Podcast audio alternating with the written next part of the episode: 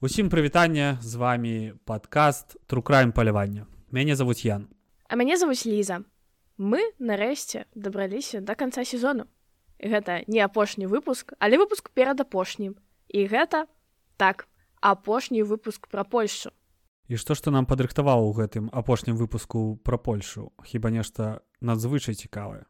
Цікава, як па мне, і гэта гісторыя яшчэ будзе звязана з папярэднім польскім забойцам так што калі хтось яшчэ не слухаў гэту выпуску то вельмі раю паслухаць каб заставацца ў кантэксце. І пакуль ліза не пачала нагадаю усім што варта падпісацца на нашай сацыяльнай сеткі і ўвогуле праслухайце ўсе выпускі якія не праслухалі. Мы ведаем кожнага хто з вас не праслухаў нашыя выпускі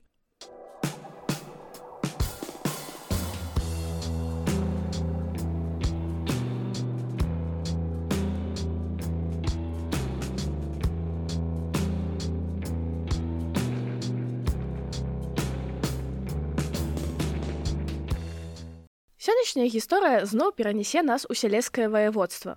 Не прайшло і двух месяцаў спачатка суда над дзіславам мархвіцкім, як зноў пачынаюцца напады на жанчын.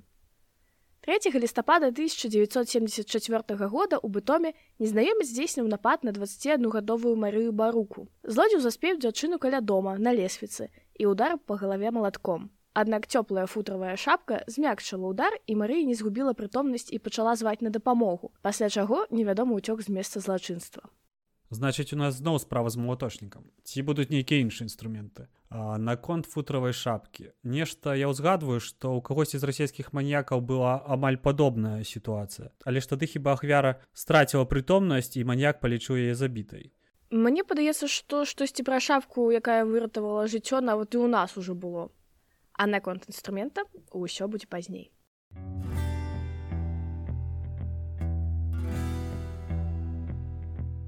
Паліцыя яшчэ доўга будзе шукаць новага маяка, але ж мы можам пазнаёміцца з ім бліжэй ужо цяпер. Мужчына, які здзейсніў напад на Марыі баруку, Яхім кныхала. Ён нарадзіўся 8 верасня 1952 года ў бытоме. Яго бацькамі былі немка Ганна кныхала і паляк Віктор Галей. Бацька рана сышоў сям'і і маленькі якім выхоўвалася маці і бабушкай. Апошняя была супраць таго, каб яе дачка звязвалася з палякам, так што вельмі непрыязна ставілася да ўнука і гэтага не хавала. Яна назвала яго польскім вырадкам і карала за дробязі. Праз дрэннае стаўленне якім часта ўцякаў з дому і бадзяўся па ваколіцах, а таксама знаходзіў супакой у кнігах. У школе не было лепш. Аднагодкі здзекваліся над ім за рознае паходжанне бацькоў і клікалі яго швабам. Скончыўшы школу 1967 годзе Яхім паступіў у ПТВ на цысляра. Хутка пасля сканчэння навучальнай установы паліцыя затрымала кыныхалу за ўдзел у групавым гвалтаванні. Ён актыўна дапамагал следству, за што атрымаў усяго тры гады зняволены, а выйшаў яшчэ раней праз год. Ну ўжо з біяграфіі на відавоку, што нас чакаюць выключна забойствы жанчын. Гэты гвалт, канешне, групавы ў 16-17 гадоў прыкладна. Гэта нейкі жах. Ну і канешне супрацоўніцтва са следствам хіба вельмі слізкі тып нас чакае наперадзе менавіта так. Кныхла лічу што ягоны прысуд несправядлівы бо дзяўчына нібыта пагадзілася сама а потым усіх удзельнікаў падставіла. Падчас знаходжання за кратамі у злодзея пачала развівацца нянавісць да жанчын і жаданні помсты. Пасля выхаду з турмы кныхала пераехаў з бытома ў пекараслёнскі і там жа уладкаваўся на шахту андалузія хутка ён ажаніўся і ў шлюбе нават нарадзяцца двое дзяцей. На працы якім характарызаваўся вельмі добра, быў актыўным і працавітым, меў узнагароды ад начальства. З 1976 года быў сябрам саюза сацыялістычнай польскай моладзі. Усё ж такі гэтых ўсіх маньякаў цягне неяк да, да палітыкі ці да грамадскай дзейнасці. Тот жа Эд Гейсі ці Тэдор Бандзе спрабавалі сябе ў палітыкі адразу ўспамінаецца чыкаціла з мехасевічам якія былі камуністамі. Да і ўвогуле і гэты таксама ідзе ў саюз моладзі. Усё ўсё зноў жа ўспамінаецца тыя ж даследаванні пра тое што псіхапата ўцягне да ўлады. Альбо яны так так спрабуюць схаваць сябе і выдаюць сябе за нармальных мол удзельнічаюць у грамадскім жыцці як і большасць я б не назвала ўдзелу ў саюзе моладзі палітыкай гэта як бы меранкоў быў сябрам брсм атрымаеш з гэтага максімум плюсік насупраць прозвішча пры паступленні ў вНУ да штогод нейкі ўзнос плаціць будзеш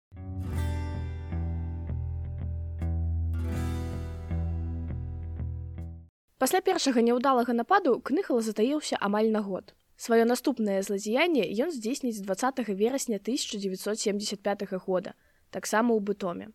Маньяк сустракае маладую дзяўчыну Стэфанію, якая плача пасля сваркі з хлопцам.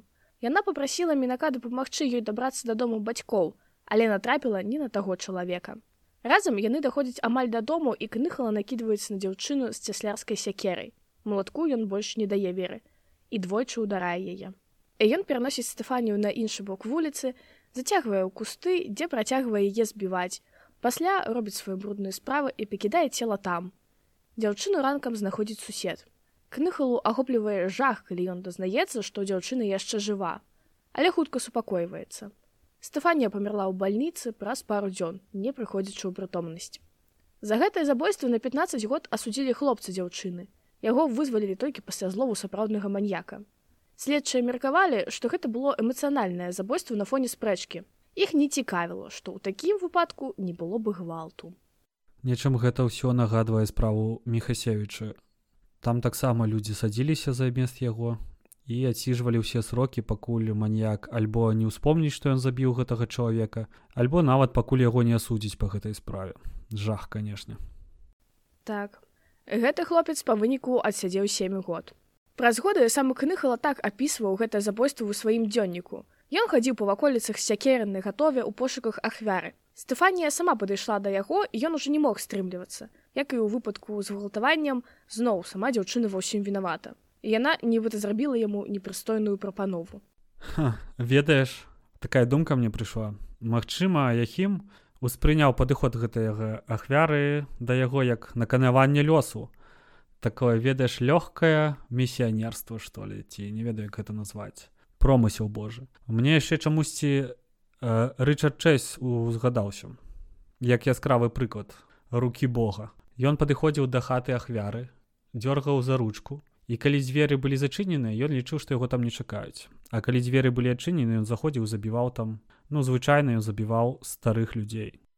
А мне прыгадаўся рычард чыз может быть сапраўды так было як ты кажаш а мой не як бачна сам кныхала падобных каментароў на конт гэтага забойства не даваў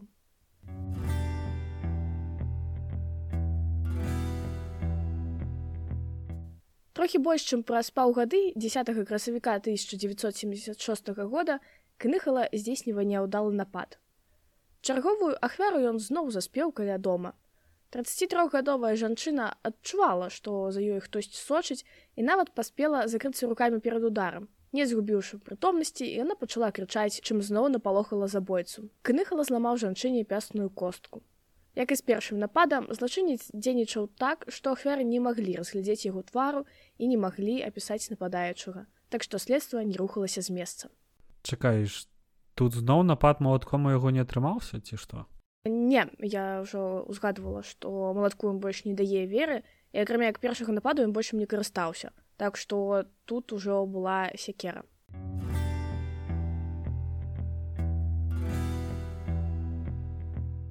шостого траўня ўсё таго ж года кныхала не збіраўся здзейсніваць напад.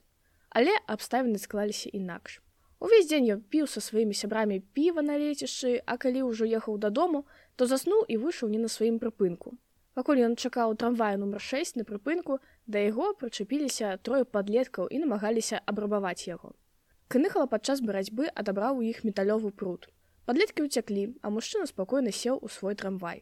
Ён быў амаль пусты, таму не заўважыць жанчыну, што ехала з ім, было немагчыма. Злачынец вырашыў не ўпускаць такой магчымасці і выйшаў за жанчынай на ейным прыпынку. Прайшоўшы ўсяго некалькі десяткаў метраў, ён накінуўся на жанчыну ззаду і абрынуў удары сваёй новай прыладай. Жанчына згубіла прытомнасць ужо пасля першага удару, але кныхала не спыняўся. Ён адцягнуў ахвяру кусты, дзе па яго словах збіваў яе, пакуль не пачуў трэск разбітага чэрпа. Гэтае забойство выглядала адзін у адзін як забойства іншага серійнага маньяка. Здзіслава мархвіцкага. Смерць у выніку удару тупым прадметам па галаве, аголеная ніжняя частка цела відавочная сексуальная падаплёка. Так што адразу з'явіліся чуткі, што мархвіцкі не вінаваты. І жанчына, насамрэч, не была простай жанчынай. Міраслава Сарноўская праходзіла галоўнай сведкай па справе вампіра з заглембе Яна павінна была бачыць яго ў дзень забойства ядвігі куцянкі. Як высветліцца пазней, Яхім кныхала прысутнічаў на судзе з дзіслава махвіцкага, і па словах кныхалы вампір натхняў яго на забойствы. І тэарэтычна кныхала мог бачыць міраславу ў судзе. А калі выпадкова спаткаў яе ў трамвае, то вырашыў не ўпускаць магчымасці адпомсціць за свайго куміра. А можа быць, кныхала і не ведаў, хто яна такая, і гэта ўсё проста такі злы лёс. вельмі цікавая гісторыя такая з налётам тэорыі змовы альбо містыкі то бок ёсць верагоднасць што кныхала гэта пераймальнік мархвіцкага так атрымоўваецца я б сказала што гэта не проста верагоднасць а літаральна так і ёсць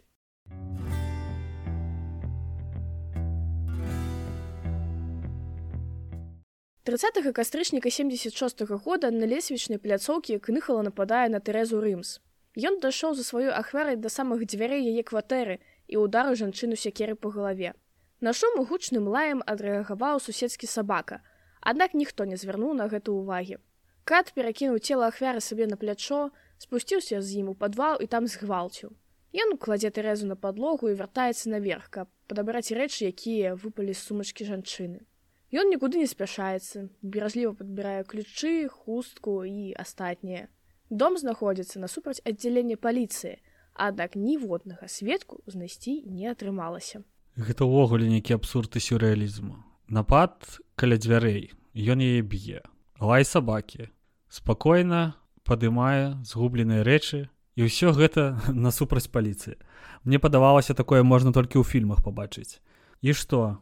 Зноў ніводнага сведкі няма? Не ведаю якіх-небудзь бабулек каля падзіку якія сядзяць увесь час. Ці суседзі якія высоўваюць свой доўгі нос у пад'езд калі бачаць нейкіх незнаёмцаў. Насамрэч нічога? А нічога.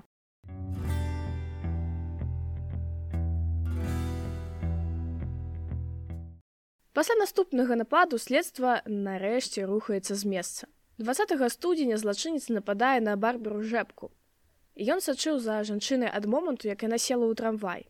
Барбара адчувала, што за ей хтосьці сачыць. Невядомы мужчына запытаў яе пра час, калі яна выйшла з трамвая, а потым яшчэ раз падышоў да яе каля дому. Жанчына павярнулася да кныхала спіной. Ён паспрабаваў нанесці ўдар па галаве, але сякера прайшла падатычнай, рассекшы галаву. Накрыкі жанчыны адрэагавалі суседзі і кныхала ў чарговы раз уцёк. Я, канешне, выбачаюся, мне такое пытанне ўзнікла. А якое ўго IQ было ўвогуле бо дзіў мо гэта канешне падаецца дзіўным пытаннем але такое адчуванне што ён аніяк не хоча вучыцца на сваіх памылках. Наконт IQ нічога табе не скажу але яго называлі разумным ага. Нягледзячы на такі вось напады ён добра ведаў мясцовасць яго заўсёды быў плян адступу і ён не садзіўся ў грамадскі транспарт пасля забойстваў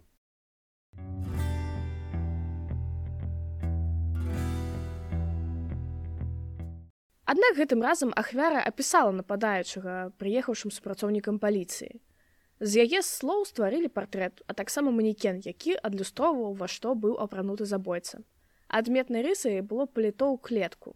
Кныхала, спужаўшыся, залёг на дно і не здзяйсняў злачынстваў у год. 2 лютага 78 -го года забойца нападае на 48гадовую марыю. І зноў жанчына выжывае. Гэты напад зноў нібыта выпадковы, У кныхала не было з сабой сякеры, аб чым ён смуткаваў на дапросах. Маўляў, была бы сякера, той адразу траіх мог бы забіць. Да марыі паліцыя меркавала, што да нападаў датычны некалькі чалавек, але параўнаў справы і дапрасіўшы сведкаў, было ўсталявана, што дзейнічае адзін чалавек.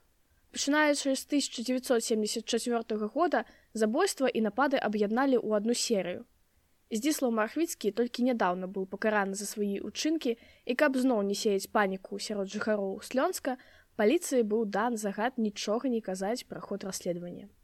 Супрацоўнікі паліцыі высветлілі, што большая частка злачынстваў адбываецца недалёка ад трамвайных пуцей, якія аб'ядноўваюць трамвай нумар 6.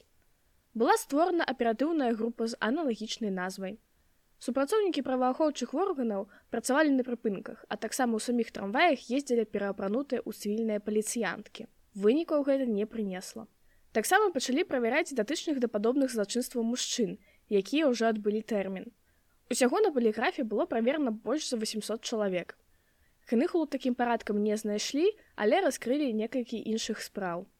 2 сакавіка 1979 года кныхала зноў не атрымаўся напад на жанчыну, але 23 чэрвеня ён разгуляўся. Десятгадовая кася і 11гадовая галіна паехалі на роварах у лес па ягады, але дадому так і не вярнуліся. Бацькі адразу занепакоіліся і звярнуліся ў паліцыю. Сябровак наступнай раніцай знайшоў выпадковы мінак з сабакай. Прыехаўшы паліцыя высветліла, што касі яшчэ жыва. Дзяўчына падрабязна пісала забойцу як старога лысеючага чалавека. Агулам касі і галіна атрымалі 27 удараў турыстычнай сякерай была створана новая працоўная група з назвай франкенштейн у якую ўвайшлі ў тым ліку і тыя людзі што былі ў групе ганна. Меркавалася што дзеці сталі ахвярамі выйшаўшага з турмы педафіла да ён і на дзяцей пераключыўся ці быў факт гвалту у гэтым эпізодзе падаецца што быў бо калі кныхала быў ужо за кратамі і размаўляў са сваёй жонкай то абыходзіў тэму забойству дзяўчат і таго што з імі зрабіў бо асаромеўся гэтага. Невялічкае адступленне. А ці ведаеш ян паходжанне слова франкенштейн?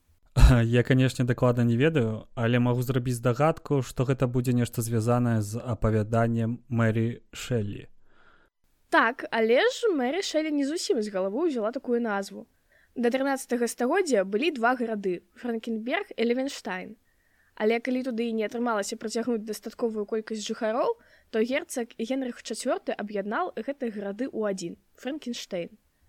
Ёсць дагадка што мы рашылі натхнілася на напісанне свайго раману пасля таго як его ў франкенштейне ў 17 стагоддзе памерло каля трэці насельніцтва. Пасля другой сусветнай вайны калі горад канчаткова стаў польскім то яго перайманавалі ў замкавіцы слёнскі дык вось забойства. І яшчэ некаторы час групы франкенштейн і 6 дзейнічалі паасобку з большасці простое што апісанне касі не супадала з апісаннем забойца ад барбары жэбкі пазней высветлілася што кася апісала паліцэйскага якога бачыла перад тым як згубіла прытомнасць. По аднолькаму прынцыпу дзеяння злачынца ўсё ж паўстала прапанова групы аб'яднаць. Дарачы супраць гэтага выступаў ужо знаёмы і ежы груба. Вы што хаце стварыць новага вампіра ён баяўся што гэта справа можа сапсаваць яго поспех ад справы мархвіцкага Ну вельмі выдатна, што аб'ядноўваецца і працуюць разам. Да і справу вельмі хутка аб'ядналі. Але гэты група не будзе палкі ў колы ставіць групе Франкенштейна. Падаецца не. Прынамсі не настойкі, каб гэта хоць дзесьці прыгадвалася.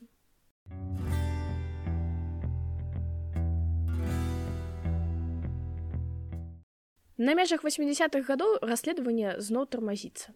На гэты раз праз ваенны стан на тэрыторыі Польшчы. Паліцыя ў той момант займалася ў асноўным палітычнымі пытаннямі. Калі малодшы інспектор з групы 6 роман хула спытаў у грубы чаму нічога не робіцца з забойствамі то апошні адказаў ды што вы аб забойствах кажаце калі ў нас строй разбураецца калі не памыляюся то справа тухліна з той жа нагоды буксавала праводзячы следчыя мерапрыемствы роман хула вызначае што ў чэрвені адбыўся напад на жанчыну ў пекарах слёнскіх яе ударылі па галаве вострым прадметам Але жыццё жанчыну уратаваў аўтобус з шахцёрамі. Мужчыну спугнулі нападніка. Спершу жанчына не хацела размаўляць пра гэты выпадак, але хула смог знайсці да яе падысця. І яны дамовіліся, што калі жанчына яшчэ раз убачыць нападніка, то паведаміць асабісты яму. Так і адбылося. Кныхалу затрымалі. Ну вось гэты эпізод вельмі падобны, як у справе маскалёва, мне падаецца. Ты так не лічыш? бо там таксама маскалёва затрымалі таму што сведка пабачыла яго ў горадзе калі ён здаў абутак каб яго адрамантавалі. Mm, слухай ну можа быць. У паліцыі не сумняваліся што яхім кныхала і ёсць тым самым франкенштейнам аднак пасля вопшука і праверкі алібі датычнасць мужчыны да забойства ўсталяваць не атрымалася. У доме не было знойдзена хоць штосьці што б указваў на забойствы на час забойства было алібі кныхала ў гэты час быў на працы. Забойцу прыйшлося адпусціць з-пад варты. Усё як у справе маскалёва. Яго таксама лічылі віноўным але на той момант ніякіх доказаў не было і былі вымушаны адпусціць. Як все падобна. Гэтая сітуацыя спужала кныхлу яшчэ больш чым напад на барбару жэпку і асцерагаючыся таго што за ім сачаць гэтым разам ён спыніў сваю серыю амаль на тры гады. Следства па справе франкенштейна было прыпынена а пасля увогуле здано ў архіў з паметкай не раскрыта. 8 траўня 1982 года кныхала забіў уласную швагерку богуславу лудыгу. Пры гэтым ён сам выклікаў хуткую і паліцыю на месца здарэння патлумачыўшы што выпадкова натрапіў на цела богуславы падчас шпацыра па парку па іншай версіі ён казаў што яна неасцярожна ўпала калі яны ішлі разам спершу супрацоўнікі паліцыі як і сям'я поверылі яму аднак усяго праз некалькі дзён следчыя высветлілі што перад забойствам лудыга была згвалтаваная а смерць наступіла ў выніку удара цяжкім прадметам па галаве. Сляды спермы супалі з аналізамі, якія здаў кныхала. У выніку чаго ён быў арыштаваны падчас пахавання, адразу на могілках па падазрэнні ў забойстве. Да, канешне, жывёльныя інстынкты маньякам хіба цяжка стрымаць ужо. Вось яны яго і выдалі. На гэты раз спадзяюся яго ўжо канчаткова затрымаюць. Так і ёсць.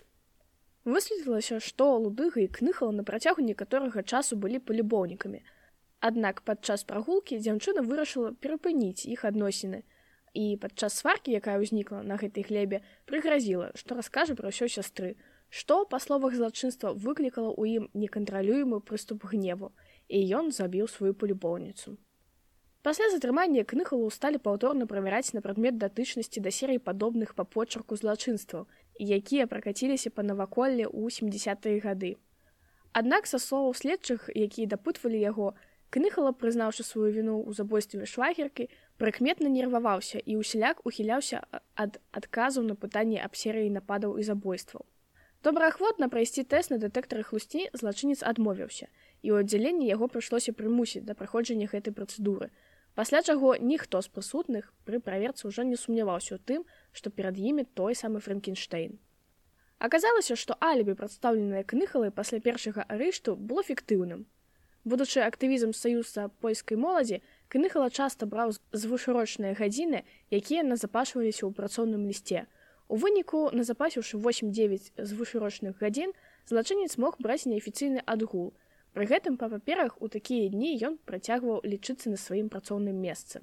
Разумеючы што яму пагражае смяротнае пакаранне яхім кныхала спрабаваў выклікаць у следчых і адвакатаў спачування расказваючы пра дваякую прыроду ўласнай свядомасці праз якую ён з аднаго боку быў добрым і старанным мужам і бацькам, а з другога раптам ператвараўся ў звера і не кантраляваў сябе. У гутарках са следчымі адвакатамі і ў лістах да жонкі злачынец усяляк і раскаіваўся ў зробленым. Аднак людзі, якія атачалі кныху ў турме, заўважалі, што яму падабаецца смакаваць дэталі сваіх злачынстваў, і яму падабалася ўвага да ўласнай асобы. Жонка, якая першапачаткова устала на абарону кныхала, Пасля таго, як ёй расказалі, што яе муж акрамя жанчыны хвалтаваў і збіваў дзяцей, напісала яму ліст, які сканчваецца словамі: « Я ніколі не змагу дараваць табе. Спадзяюся, ты будзеш болтацца ў пятлі. Я, канешне, выбачаюся.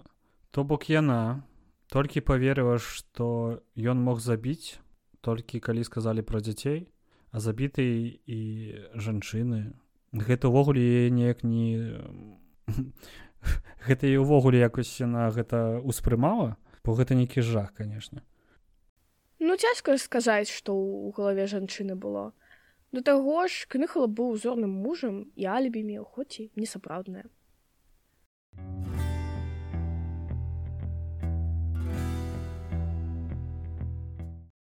19 красавіка 1984 года ваяводскі суд у катавіцы прысудзіў 31гадовага ехіма кныхалу да смяротнага пакарання праз правешанне, прызнаўшы яго вінаватым у 13 нападах на жанчын і дзяўчынак, 5 з якіх скончыліся іх смерцю. Злачынец моўшкі выслухаў прысуд, толькі ў канцы пракаментаваўшы яго фразай: нічога іншага я не чакаў. У сеза ён двойчы спрабаваў скончыць жыццё самагубствам ён вельмі стараўся дамагчыся дазволу на спатканні з дзецьмі. У кастрычніку 1984 года вярхоўны суд польскай народнай рэспублікі пацвердзіў смяротны прысуд. 9 траўня 1985 года дзяржаўны савет пнр адмовіў кныхалі ў памілаванні 21 траўня 1985 года у 1730 па мясцовым часе франкенштейн быў пакараны праз павешанне ў кракаўскай турме На аснове паказанняў кныхалы была створана кніга Эдзі Козака дзённікі вампіра, у якой сабраны не толькі апавяданні асуджанага, але і меркаванні псіхолагаў, паліцэйскіх і людзей, якія мелі асабісты кантакт з забойцам. У якімі былі жонка і дзеці. На думку псіхолагаў яго паводзіны мелі псіхасексуальны падтэкст. На самай справе ён баяўся жанчын, яго негатыўнае стаўленне да гэтага полу апісана ў пачатку кнігі. Больш за ўсё на яго паўплывалі забойствы дзяўчынак, смерць якіх выклікала ў яго жудасныя згрызоты сумлення, таму што ён працягваў атаясамліваць іх са сваімі ўласнымі дзецьмі. Кныхала падкрэсліў, што любіць сваю жонку і заявіў, што глыбока ўкаранёны ў любові і адданасці сваёй сям'і. Выхоўваючыся не ў самым здаровым асяроддзі, ён з дзяцінства пераняў негатыўныя стэеатыпы паводзін. Яго любімым інструментам была, як ён яе называў каханая секера, якой ён здзейсніў першае забойства маладой жанчыны, ударыўшы яе па патыліцы і раздрабіўшы чэрап. Ён сцвярджаў, што толькі тады, калі ён гвалтаваў трупы і бачыў, як яны паміраюць, ён адчуваў сексуальнае задавальненне. І ён лічыў жанчын правакатараў прычынай роспачы кожнага мужчыны. Яго стаўленне выказвала агіду да іх. Толькі да сваёй жонкі ён ставіўся з павагай. Ведаеш, неяк тут все і раскрыта. Нават і высновы рабіць не буду згодны з усімі разважаннямі, што ты агучваў вышэй. Гісторыя цікава і часам вельмі пераклікаецца з папярэднімі нашымі выпускамі. Але хіба ўсе гісторыі забойцаў маюць тыя ці іншыя аднолькавыя рысы? У меня вось тут узнікла такая думка. Другі маньяк і ўсё тое ж ваяводства. Мне гэта нагадвае трукраймаўскую тэорыю змовы пра растолскі трохкутнік за 30 гадоў там было штосьці каля 30 сямі серыйных забойцаў калі я не бытую вось таму у меня такое пытанне мы яшчэ якія серыйныя забойцы арудавалі ў селезейскім ваяводстве так гэтае воеводства багата на забойцаў. Ведаеш калі чытаеш артыкулы пра іх то пасля злову забойцы амаль заўсёды ідуць словы нарэшце жанчыны ўздыхнулі з палягчэннем дык вось падаецца ў селецкім воеводстве яны просто ніколі не дышалі бо як мінімум 5 серыйных забойцаў дзейнічала ў гэтых мясцінах. Акурат перад марфіцкім быў Богдан Арнольд, адначасова з Франкенштейнам яшчэ серійны душыцель Пенталарс, а на пачатку 80-х Мчаслаў зуб. Так сталася, што пасля вайны шмат людзей прыязджала ў гэтае ваяводства. Раён хутка развіваўся ў асноўным дзякуючы шахтам. Гэтая праца заваблівала маладых мужчын, у тым ліку з далёкіх мясцін і маленькіх вёсак сярод такога натоўпу вельмі проста было застацца незаўважным. Можа, менавіта праз гэта сталася такая сітуацыя з забойствамі ў гэтым рэгіёне.